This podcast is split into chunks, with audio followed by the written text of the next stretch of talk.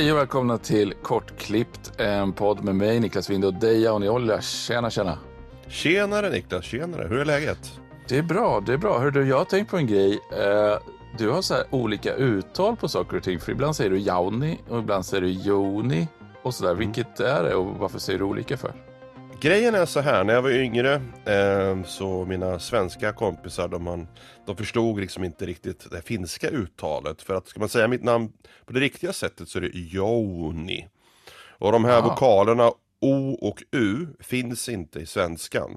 Så det finns liksom ingen naturlig counterpart till det. Så att eh, då det som oftast Jauni eller Jonny eller någonting annat. Liksom. Så att jag reagerar ju på eh, egentligen alla olika typer av tilltal. Då. Eh, av den anledningen. Jag säger själv Jauni av den enkla och okomplicerade anledningen att det blir enklare för andra att tilltala mig också så. Men eh, min mor säger Joni och min far säger Joni. Och min bror säger Joni och även de finska kompisar jag har säger då. Men det, det är väl lite grann så det är. Eh, vad roligt för att jag har gått och stoltserat för mig själv och tängt att jag säger rätt när jag säger Jauni men då säger jag fel då egentligen. Ja du säger jättefel gör du. Den ja, men, ja, nej. nej nu, nu är det kört för dig Niklas. ja, ja, så jo, Joni ska man säga. Joni. Joni. Det roliga Joni. är ju att jag har reagerat på att du säger mog olika också. Det är därför jag tar upp det här. För ibland säger du mog, ibland säger du mog. Mm. Ja, det är också en sån här grej, du vet amerikansk-svensk grej liksom. Eh, jag har ett bra, bra, exempel där. Alltså, man kan ju väldigt lätt eh, räkna ut åldern på en syntgubbe genom att höra dem berätta hur deras favoritartister heter, som Jan Michel Jarre säger mm. jag. Eh, jag säger inte Char eller Jean-Michel Char, utan vi säger Jarre och den enkla anledningen att vi kunde ju inte franska när vi var små. Vi fattade inte att den hette Char liksom. Nej, Så nej. Att, eh, det är väl en, en eh, frukt av eh, och inte ha lärt sig språket när man lärde sig uttalet första gången, eller namnet första gången då. Så när jag var mm. liten så stod det ju Mog. Ja, det heter ju Mog liksom. Fast det inte ja. heter så. Nej, men det där tror jag är en sån här internetgrej också, för att nu kan du ju höra folk säga vad som helst, men om du, alltså, du kan ju titta på YouTube-klipp som handlar om något du är intresserad av och då får du höra folk prata om det på, på mm. respektive språk. Då. Men om du skulle, alltså det var ju, om du skulle höra någon uttala Jean-Michel Jarre för 30 år sedan, då skulle det vara typ Vetenskapens Värld som pratar om hans syntar eller någonting. Precis, precis. Jag tror så... till och med när jag såg något klipp med honom på tv så sa hallåan att han hette Jarre liksom. Så att det, det har nog ja. fastnat sedan dess för mig. Men så är det Jean Michel och allt det där, det är så jobbigt att säga. Så han får heta JMJ eller så får han bara heta Jarre. Jarre tycker jag funkar. Jarre, vad säger ja. ni ute? Heter han, ska man säga, är det okej okay att säga Jarre? Jarre, det får vara Jarre. Jarre. Mm. Men du, en kille som har ett lite bättre eller lättare eh, artistnamn att uttala är, är någon snubbe som du har lyssnat mycket med på sistone. Absolut, jätteroligt. Eh, Angst Sessions heter projektet.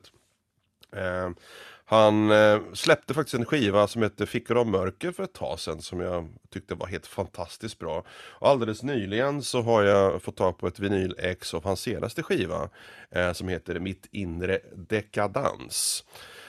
Och då går ju liksom språkpoliserna säkert igång direkt. Vadå, vadå mitt in, inre? Det ska vara min inre och dekadens och så vidare och så vidare. Men jag tycker att det är ett väldigt roligt, det är en rolig ordlek. För som artist så tycker jag man kan ta sig friheter med språket. Man kan liksom skriva titlar och albumnamn lite grann som man själv vill då för att liksom försöka kommunicera den, den konst som man själv gör. Eh, och den här plattan är ju, jag vet inte vad jag ska säga, den är ju ett så är den extremt mörk, den har ett mörker inom sig och två så känns det som att det är mycket analoga maskiner som ligger och puttrar och bygger liksom små världar liksom i små, små brunnar och, och, eh, och gruvor någonstans långt under oss. Om, om vi läser hans egen beskrivning eh, mitt inre dekadans eh, är någonting som utforskar vad som händer med med sinnet när, det, när man liksom exponeras för totalt mörker eller köld eller hunger under längre perioder. Vare sig det är en djup Marianergrav någonstans eller en grotta någonstans Det är ingen har liksom satt sin fot på väldigt, väldigt lång tid. Ju längre ner man kommer och ju längre bort man kommer från verkligheten liksom så kommer man närmre slutet. Man fortsätter ändå att gå liksom. Eh, och då får man liksom en, en, man tappar liksom tid och rum egentligen när man lyssnar på, på musiken. Och jag känner lite grann att han har fångat hela den här, eh, inte grav säger jag, men det är lite grann grotta liksom. Eh, den här grottkänslan i musiken.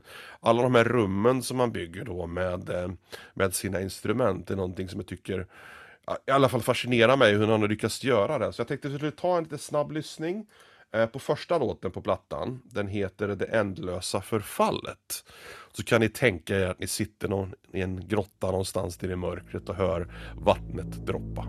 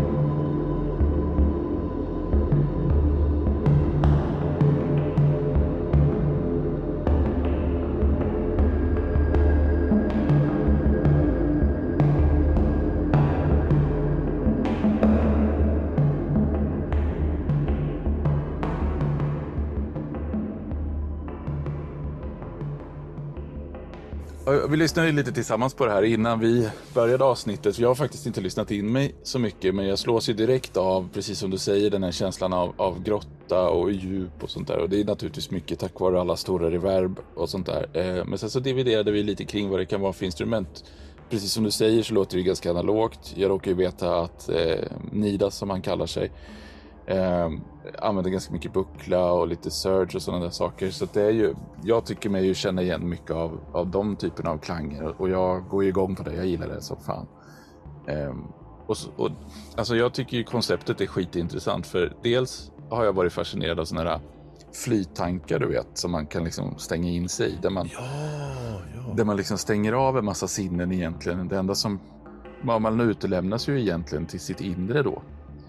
Eh, och sen har jag precis läst en bok om eh, en kille som är ensam i rymden under en lång tid och blir liksom utlämnad till massa sådana tankar och grejer. Och de här aspekterna är ju faktiskt jäkligt intressanta för jag tror att det mänskliga psyket är inte riktigt Åtminstone inte, är, vi, är vi inte vana vid den typen av utmaningar på samma sätt. Men jag tror att under begränsade eller kontrollerade former så tror jag att det är inte alls dumt. Det är en sorts, ska man säga, meditationsteknik kanske som kan liksom förflytta en in i ett annat tillstånd och lära en saker om sig själv som kan vara otroligt nyttiga att ha med sig i, i eh, världen. Liksom.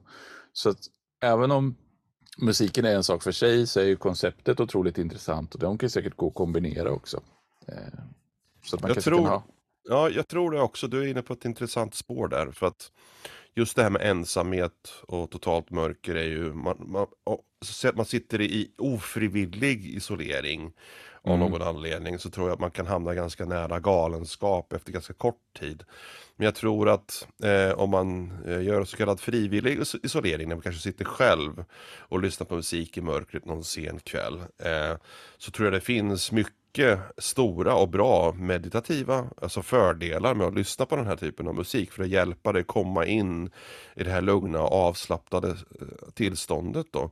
Jag kände då med den här plattan att eh, jag försökte ha den som bakgrundsmusik först men fan det går ju inte. Det, det, tog för mycket liksom plats och jag ville liksom lyssna på det aktivt istället. Så när jag snurrade på vinylen och satt och lyssnade på den själv här en dag så var det ganska uppenbart för mig att, att, eh, att han har gjort musiken för att man ska lyssna på den i ett aktivt tillstånd. Då.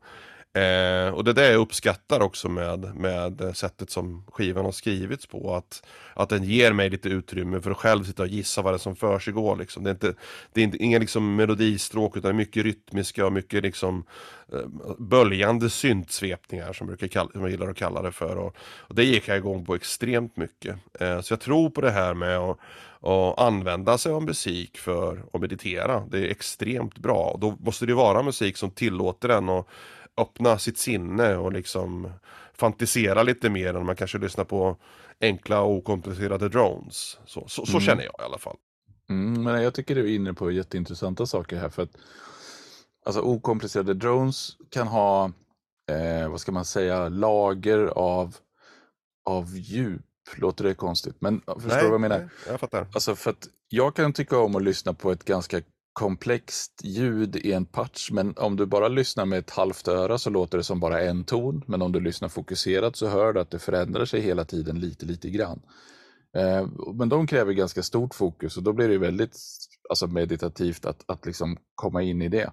Medan en poplåt kommer och skriver dig på näsan och talar om för dig direkt vem den är och vad den vill och sådär. Eh, och det här är någon sorts mellanting då som lutar åt det här drone-hållet för det innehåller ju rytmik, och, och sådana där saker. Och, och, lite större förändringar än, än liksom superminimalistiskt. Då. Eh, så jag, jag, tycker det liksom finns ett värde i båda och jag tror att den här ligger på precis rätt liksom, plats för att man ska kunna meditera lagom mycket till den så att säga. Precis. Jag tycker vi ska lyssna vidare på en till låt. En låt som heter Pyroklastisk ande. Eh, det är låt nummer tre på plattan. Eh, jag tror att du Niklas kommer att känna igen eh, ljudbilden lite grann när vi kör igenom de här. Här kommer den.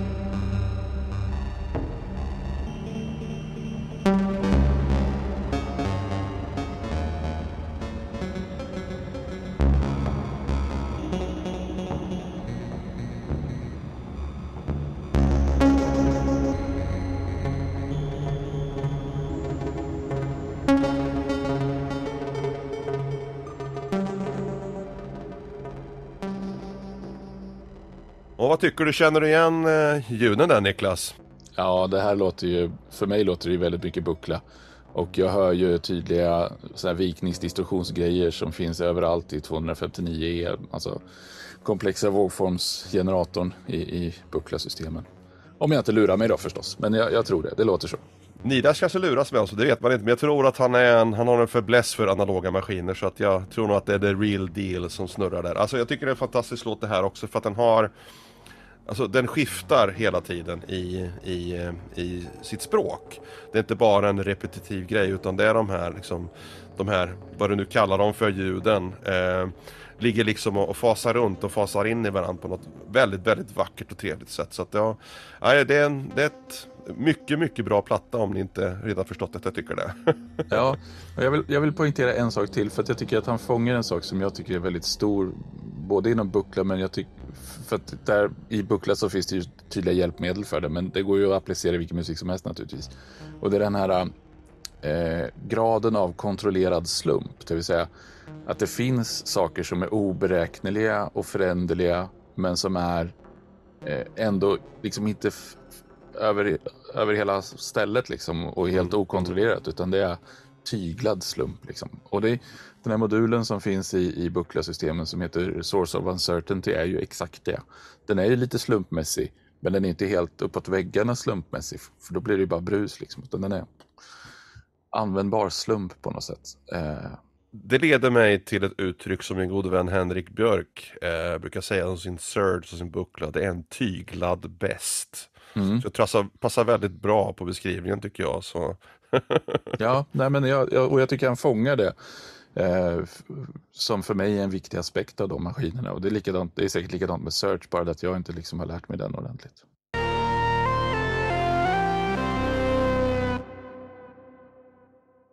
Men hörru du, buckla, så du, eh, vi måste vi prata om, du hade ju med dig din buckla här eh, ganska nyligen ner till Malmö när du var och hälsade på och körde lite pausmusik på vårat lilla EMOM.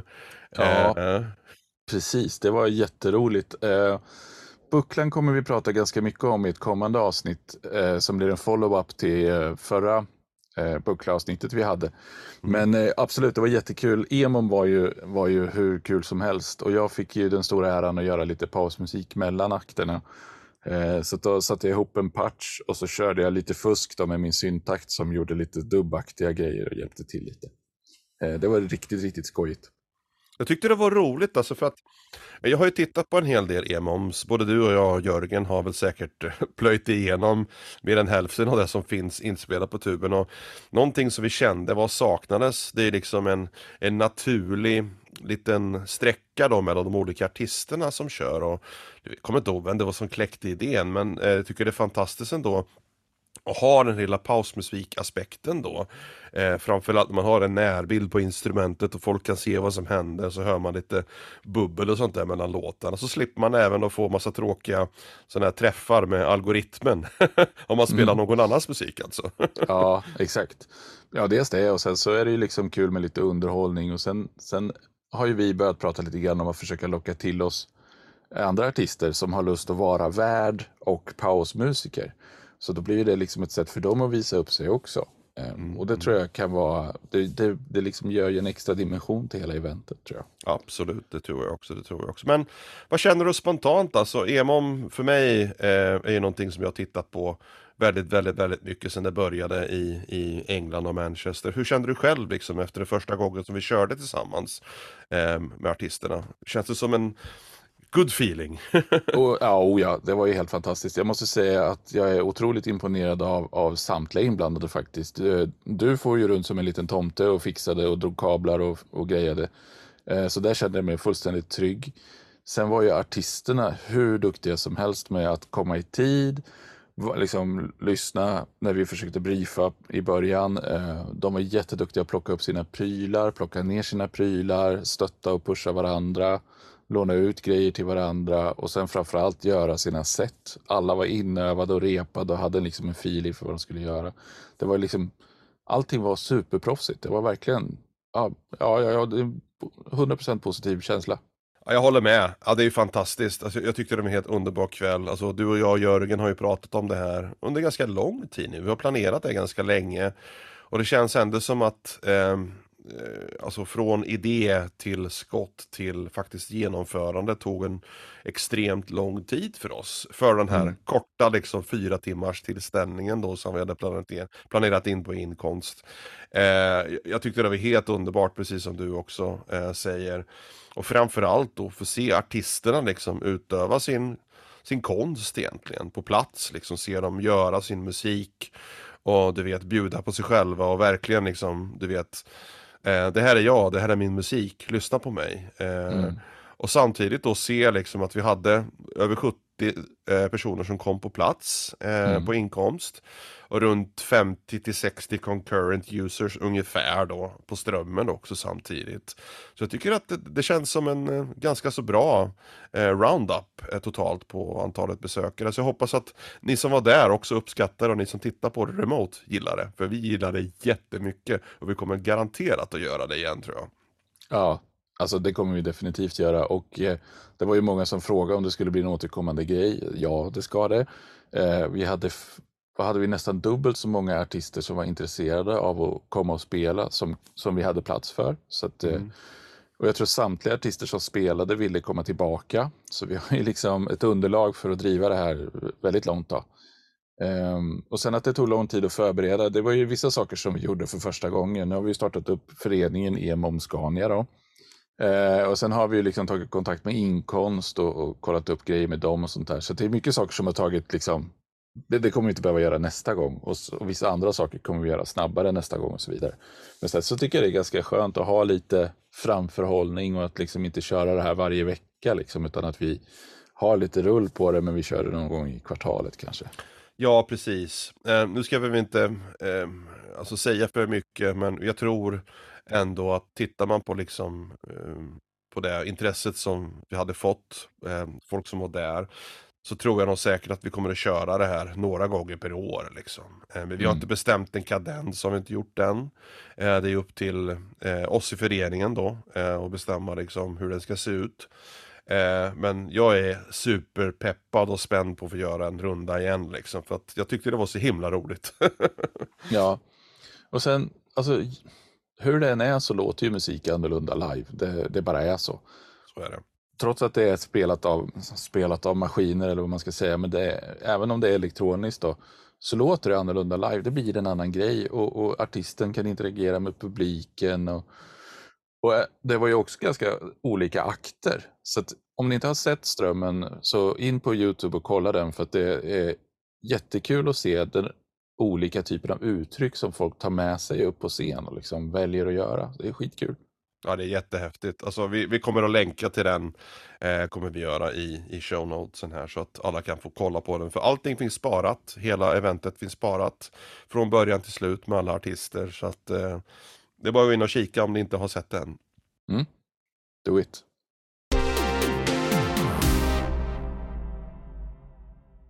Det här skedde ju på onsdagen och jag åkte hem på fredagen. Så torsdagen spenderade jag hos Jörgen på Elektrisch Studios eh, syntmuseum där i Malmö. Och det är ju alltid, jag måste säga, det är ju alltid en överväldigande upplevelse att kliva in i det där rummet bland alla syntarna. Och Han sa ju det Jörgen, att när han började samla på de här så, så hade han lämnat över en lista, en önskelista på hundra syntar till sin, till sin syntbulvan då på musikbörsen. Och nu har han fått alla utom två plus 20-30 till som man inte hade planerat från början. Det är helt fantastiskt. Och servicen som Jörgen erbjuder är ju helt alltså, over the top. Alltså, man, får, man får ett litet rum utanför samlingen eh, med en mixer och ett par högtalare. Och sen kan man bara liksom hämta den synt man känner för att spela på. Så kan man sitta och testa lite grann. Eh, och får man inspiration och börjar bygga en låt, då kan man liksom bara, ah, jag skulle vilja ha en bas. Jag undrar om en two voice är bra på bas. Ja, jag går och hämtar den. Och så testar man det lite grann. Eh, ja, så, så det är helt fantastiskt. Det, första jag fick prova var VCS3. Det för mig är det en helt ny bekantskap. Jag har aldrig testat en sån. Och eh, vilken, vilken maskin alltså. Jag har, ju, jag har ju läst på om hur den här Apache-matrisen funkar. Men det som man inte liksom lyckats läsa på om alla gånger är ju hur de olika typerna av, av komponenter i synten funkar. Då. För att det som var utskrivet som envelope var egentligen en kombination av VCA och envelope. Så att när man försökte använda den signalen för att styra någonting annat, för jag tänkte att det är ju ett CV liksom, som kan kanske svepa ett filter eller något, så funkar inte det alls som jag hade tänkt. Okay. Nej, för det, det, var ju bara en ljudsignal. Liksom. Och sen ville jag patcha på fjäder i verbet vid något tillfälle. Då råkade jag sätta det före eh, envelopet. Så jag fick en annan klang, men jag fick ingen utklingning. Utan eftersom jag inte hade någon release på envelopet så var det tvärtyst. Så, fan. Ja, just det, så fick man patcha om lite grann. Så, eh, så det var ju riktigt, riktigt fränt. Eh, och sen bara få liksom, kunna hämta en Oberheim OB8 och sitta och klinka på den lite grann, känna på, på det. Eller som eh, när jag hade petat på en eh, Oscar en stund så, så kommer Jörgen och lyssnar och säger ah, det där måste du prova att sequensa, vänta lite grann, så hämtar jag. Så kommer han med en korg SQ1 liksom, som vi kopplar upp. Och så bara, ah, det där måste vi ha beats till. Så går vi och hämtar en 808 och synkar upp alltihopa. Och liksom, det är... Syntgubbes julafton liksom. ja men det är ju det. Och, och den här upplevelsen är ju någonting som Jörgen kommer erbjuda till alla sen. När det här är på gång. Liksom. Så, att, så att han behöver bara hitta en vettig lokal. Så om det är någon där ute som sitter på en vettig lokal så bara hör av er till Jörgen för han, han behöver hitta en till det här. För det här är en upplevelse som alla behöver få.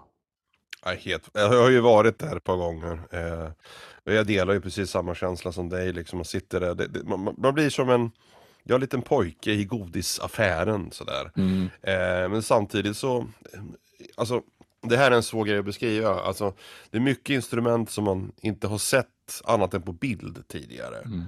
Eh, ja. Som man får se i verkliga livet då. Eh, och då liksom koppla samman då alla de här intryck och alla idéer och fantasier man har haft om det här instrumentet. Och försöka få utlopp för dem på plats liksom. Eh, är ju någonting som är ju unikt egentligen. Man har inte haft den möjligheten överhuvudtaget tidigare. Så att jag tycker att den liksom artistiska kopplingen man har då samtidigt med den här museumbiten är ju fantastisk. Man kan ju välja om man tycker om att titta på syntar så kan man göra det. Mm. Det funkar. Men jag gillar ju som oftast att skruva på det som ser mest obskyrt och knasigt och knepigt ut. Liksom det är det jag går igång på, saker som jag aldrig sett förut, aldrig rört vid. Mm. Eh, så att den, den biten är, tycker jag är mest intressant. Och, du vet kombinera maskiner som ingen annan i världen har kombinerat förut. Liksom, så att ja men visst, det är det som är så coolt för att man, man eh, alltså det tar ju aldrig slut på idéer. Vad du än kan tänka dig hitta på kan du liksom göra. Mm. Och det finns ju mängder av ljud som har uppkommit som kombinationer av maskiner som du säger. Som, alltså, när jag pratade med Sturmcafé så sa de ju att de körde sin eh, DX7 som botten ibland, ibland på vissa basljud medan Pro One låg uppe på. Du kan göra sådana grejer här, du kan hitta på vad som helst. Liksom. Mm, mm. Eh, och jag tänker mig att i framtiden så kanske man hjälper en artist med ett album, alltså utifrån mitt perspektiv. Då. Och sen så har man ett antal ljud i låtarna som man känner att ah, här skulle vi nog kunna spela in på riktiga syntar istället för att köra mjukvarugrejer. Då.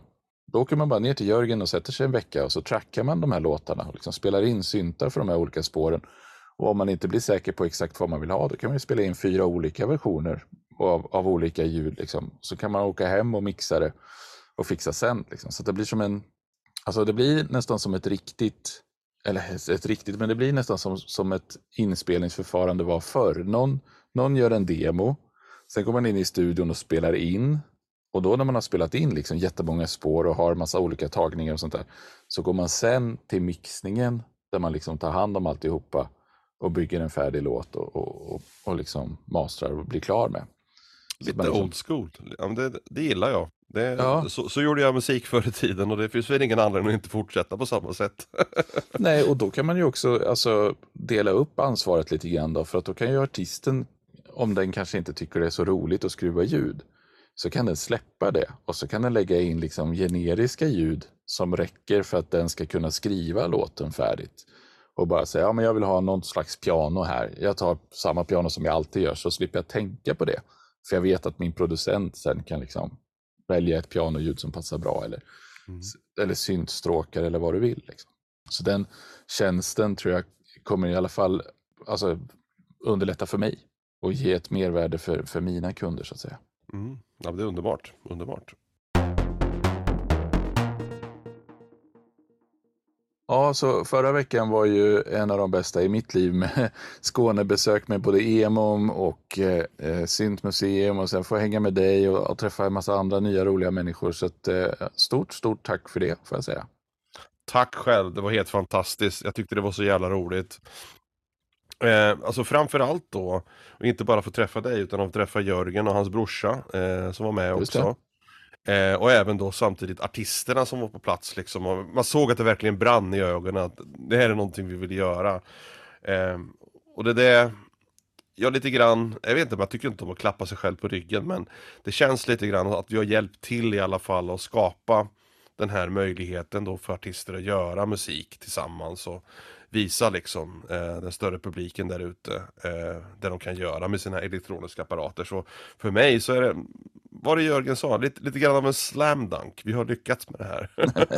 ja, men precis. Jag menar, vi har ju gjort ett visst mått av arbete naturligtvis för att åstadkomma det här, men de som har gjort det stora arbetet är ju liksom musikerna som har gjort mm. musiken och, och som vi kommer att bjuda på sig själv och visa upp det. Så att det är, alltså, utan dem så är det ingen idé att anordna något EMOM.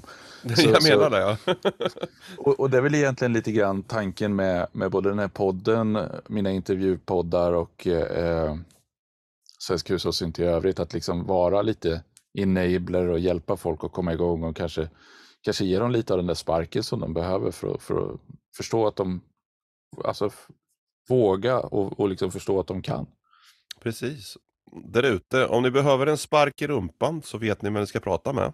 Ja, bara, precis. bara hör av sig. ja, men eh, så att, ja, det var en riktigt bra vecka. Och sen måste jag ju ge ett eh, speciellt eh, omnämnande till Mr. Syntdude.se som han kallar sig på Instagram. Så otroligt eh, trevlig och gemytlig och snäll kille som eh, dels var här uppe i Västerås och hälsade på mig för ett tag sedan. Eh, så vi tog en fika och snackade lite grann. Eh, och nu har han varit så otroligt snäll att han har lånat ut sin Jupiter 4 till mig.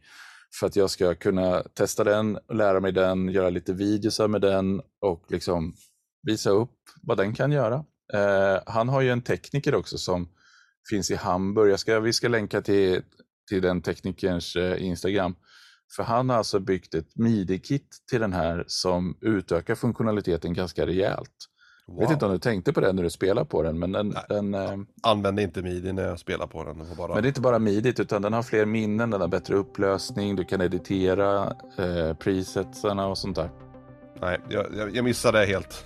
ja, men den, är, den låter ju helt fantastisk och jag har redan överraskats av vissa saker när jag spelade på den. Så att, eh, det kommer komma videos på det eh, på Instagram till att börja med och så får vi se om jag startar någon YouTube-kanal eh, för Svensk hus och synt. Men eh, jag vill bara säga stort, stort tack till Syntdude och jag ska försöka förvalta det väl. Underbart och eh, som vi alltid brukar säga på slutet, glöm inte att spela synt. Om ni har en Jupiter 4, helst den. ja, precis. Tack och hej. Hej då.